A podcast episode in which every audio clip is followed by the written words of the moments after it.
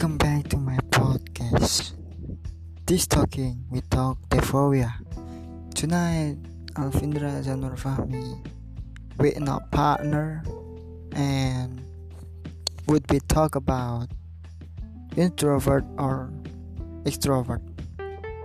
I mean introvert versus extrovert. Are you an introvert or an extrovert? What it means for your career? Extroverts are outgoing and introverts are shy, right? Not exactly. Truly understanding each personality type and which one you are can help you manage a vast range of experience.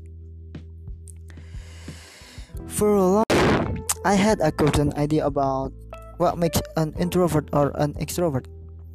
I had always thought thought that it works something like something something like this.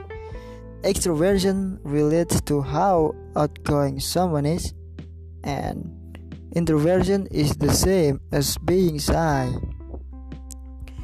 That was kind of my general perception. Doing just a little bit of, I made it clear very very quickly that my thinking was was was way off. Recently, I dug, I into some of the full-on research about introverts versus extroverts, and I think I'm much closer to understanding what the terms introvert and extrovert actually mean. When we briefly discussed this topic internally here at this podcast, a lot of people got very excited. So I hope what I've learned might be helpful to you as well. Where it all started and why I had it all wrong. If we go a bit further back, we find that the terms introvert and extrovert were popularized by Carl Jung in the early 20th century. Unfortunately, their meanings got confused between then and now. And we start thinking that everyone belongs to one camp or the other. But actually, Kurt's point was that these are the very extremes of a skill, which means well, most of us fall, fall somewhere in the middle. Carl G. Jung say there is no such thing as a pure introvert or extrovert.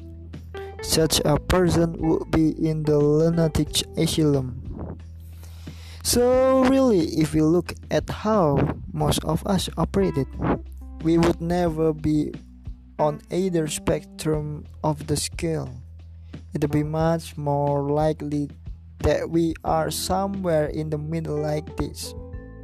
You know, the left is introvert and the right is extrovert, and in the middle is ambivert. There are few theories about the differences between introverts and extroverts, and some recent research has uh, even shown that our genetic makeup has a, a lot to do with which tendencies are strongest in each of us. And unlike my theory, uh, and unlike about theory how outgoing or shy we are, introversion and extroversion actually relate to where we get our energy from. Introverts, you know, introverts are those of us with introverted tendencies tend to recharge by spending time alone.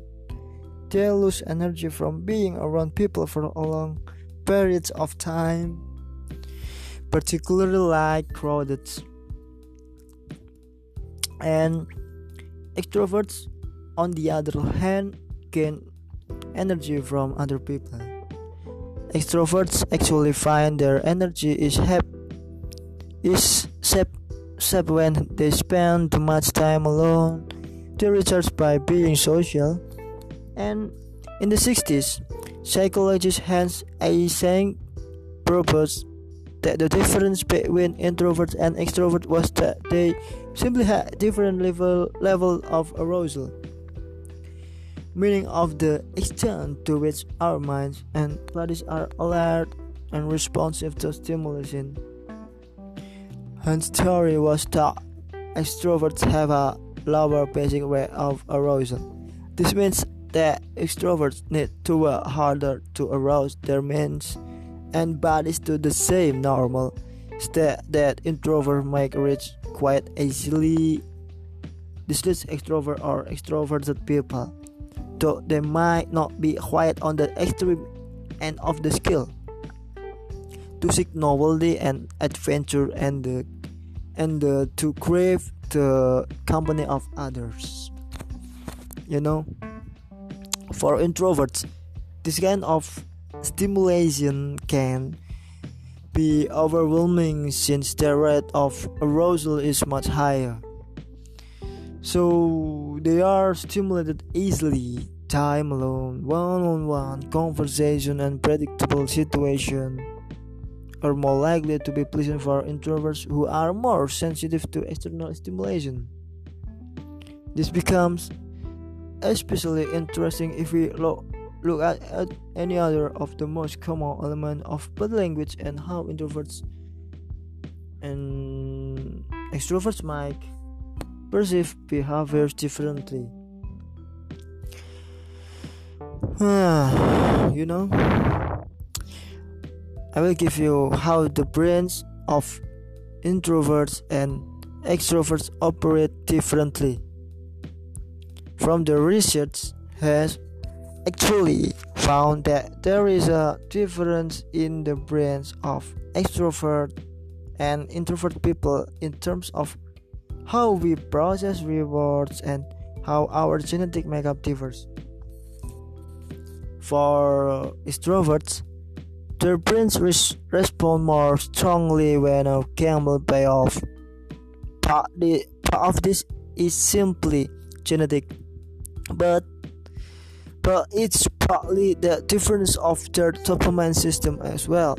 On experiment that help people take gambles while in a branch kind of found the following. When the gamble that dog paid off, the more extrovert group saw a stronger response in, into crucial brain regions, the the amygdala and the nucleus accumbens, you know. The nucleus accumbens is part of the dopamine system, which affect how we learn and is generally known for motivating us to search for rewards. The, differ- the difference in the dopamine system in the extrovert's brain tends to push them towards seeking out novelty. Novelty, taking risks, and enjoying an unfamiliar surprising situation more than others. The amygdala is responsible for processing emotional stimuli, which is give extroverts that rush of excitement when they try something highly stimulating that might overwhelm an introvert. And I give you more research has actually shown that the difference comes from how introvert and extrovert process stimuli. That is the stimulation coming into our brains processed differently depending on your personality. For extroverts, the pathway is much shorter. It runs through an, an area where taste, taste, I mean taste, touch, and visual. And auditory sensory processing takes place. For introverts, stimuli run through a long, complicated pathway in areas of the brain associated with remembering, planning, and solving problems. Uh, so what are signs that point someone closer to an introvert? You know, Introverts are tricky to understand since, since it's so easy for us to assume that introversion is the same as being shy. When in fact, introverts are simply people find it tiring to be around other people. You know, I love the explanation of an introvert's need to be alone. Uh, for for introverts to be alone with our thought is as restorative as sleeping uh, as nourishing as eating you know introvert people are known for thinking things through before they speak enjoying uh, something like enjoying small close groups of friends and one on one time, needing time alone to recharge, and being upset by unexpected change or last minute surprise.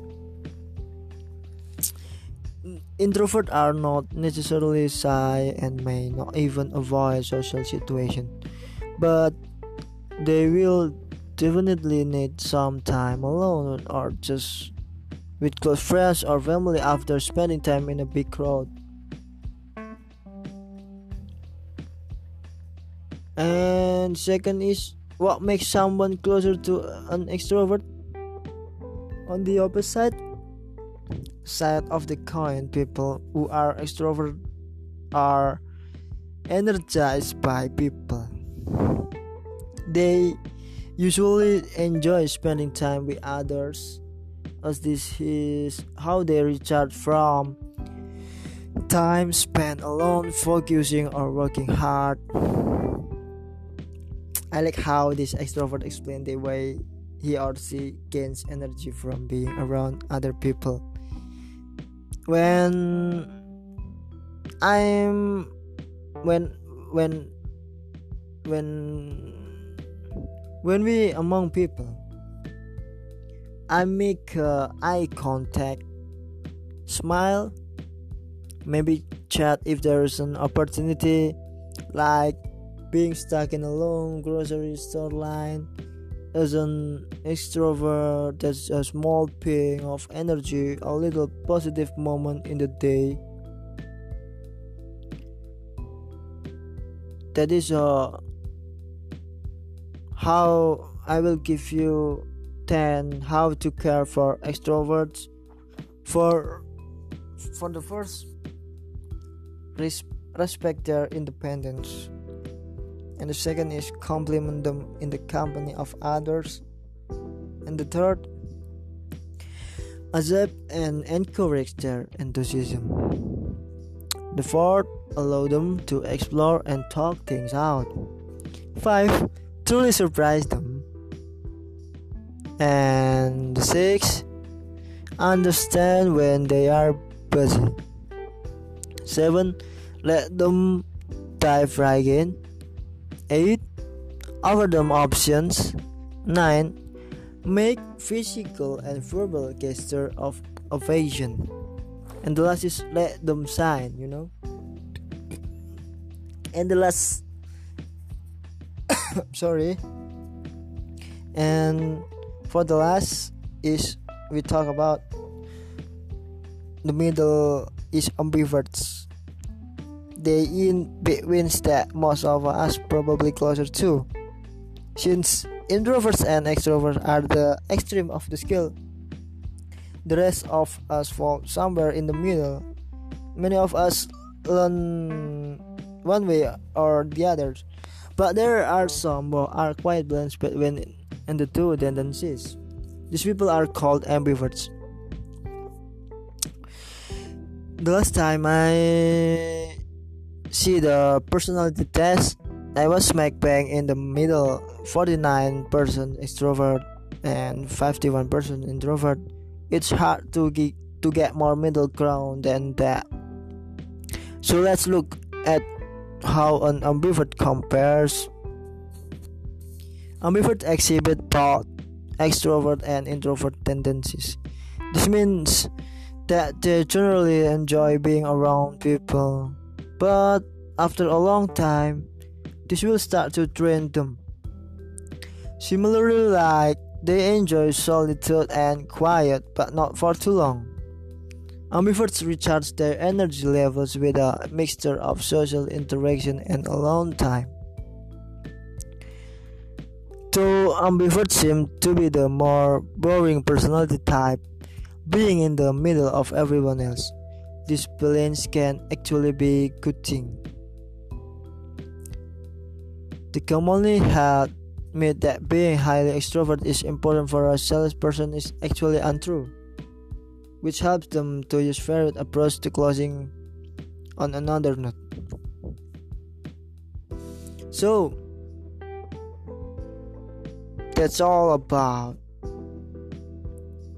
extrovert, ambivert, and and what? And what? You know? Extrovert, ambivert, and introvert the last time. Sorry. That's all about the topic. Maybe you can request to go maybe you can request to to me. So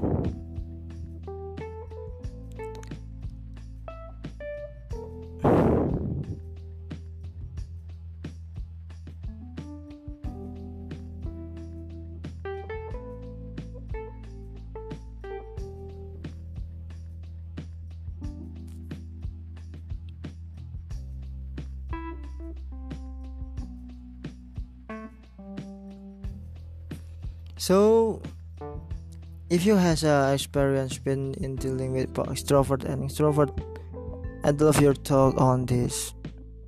You can leave a comment on my comment to my Instagram or get me on twi- Twitter. Twitter me is same as Instagram at Alvin's Jew. A L F I N Z T G O A. Thank you for tonight and thank you for listening my podcast. Alvin Raja Fahmi sign out. Thank you. Good night. Assalamualaikum warahmatullahi wabarakatuh.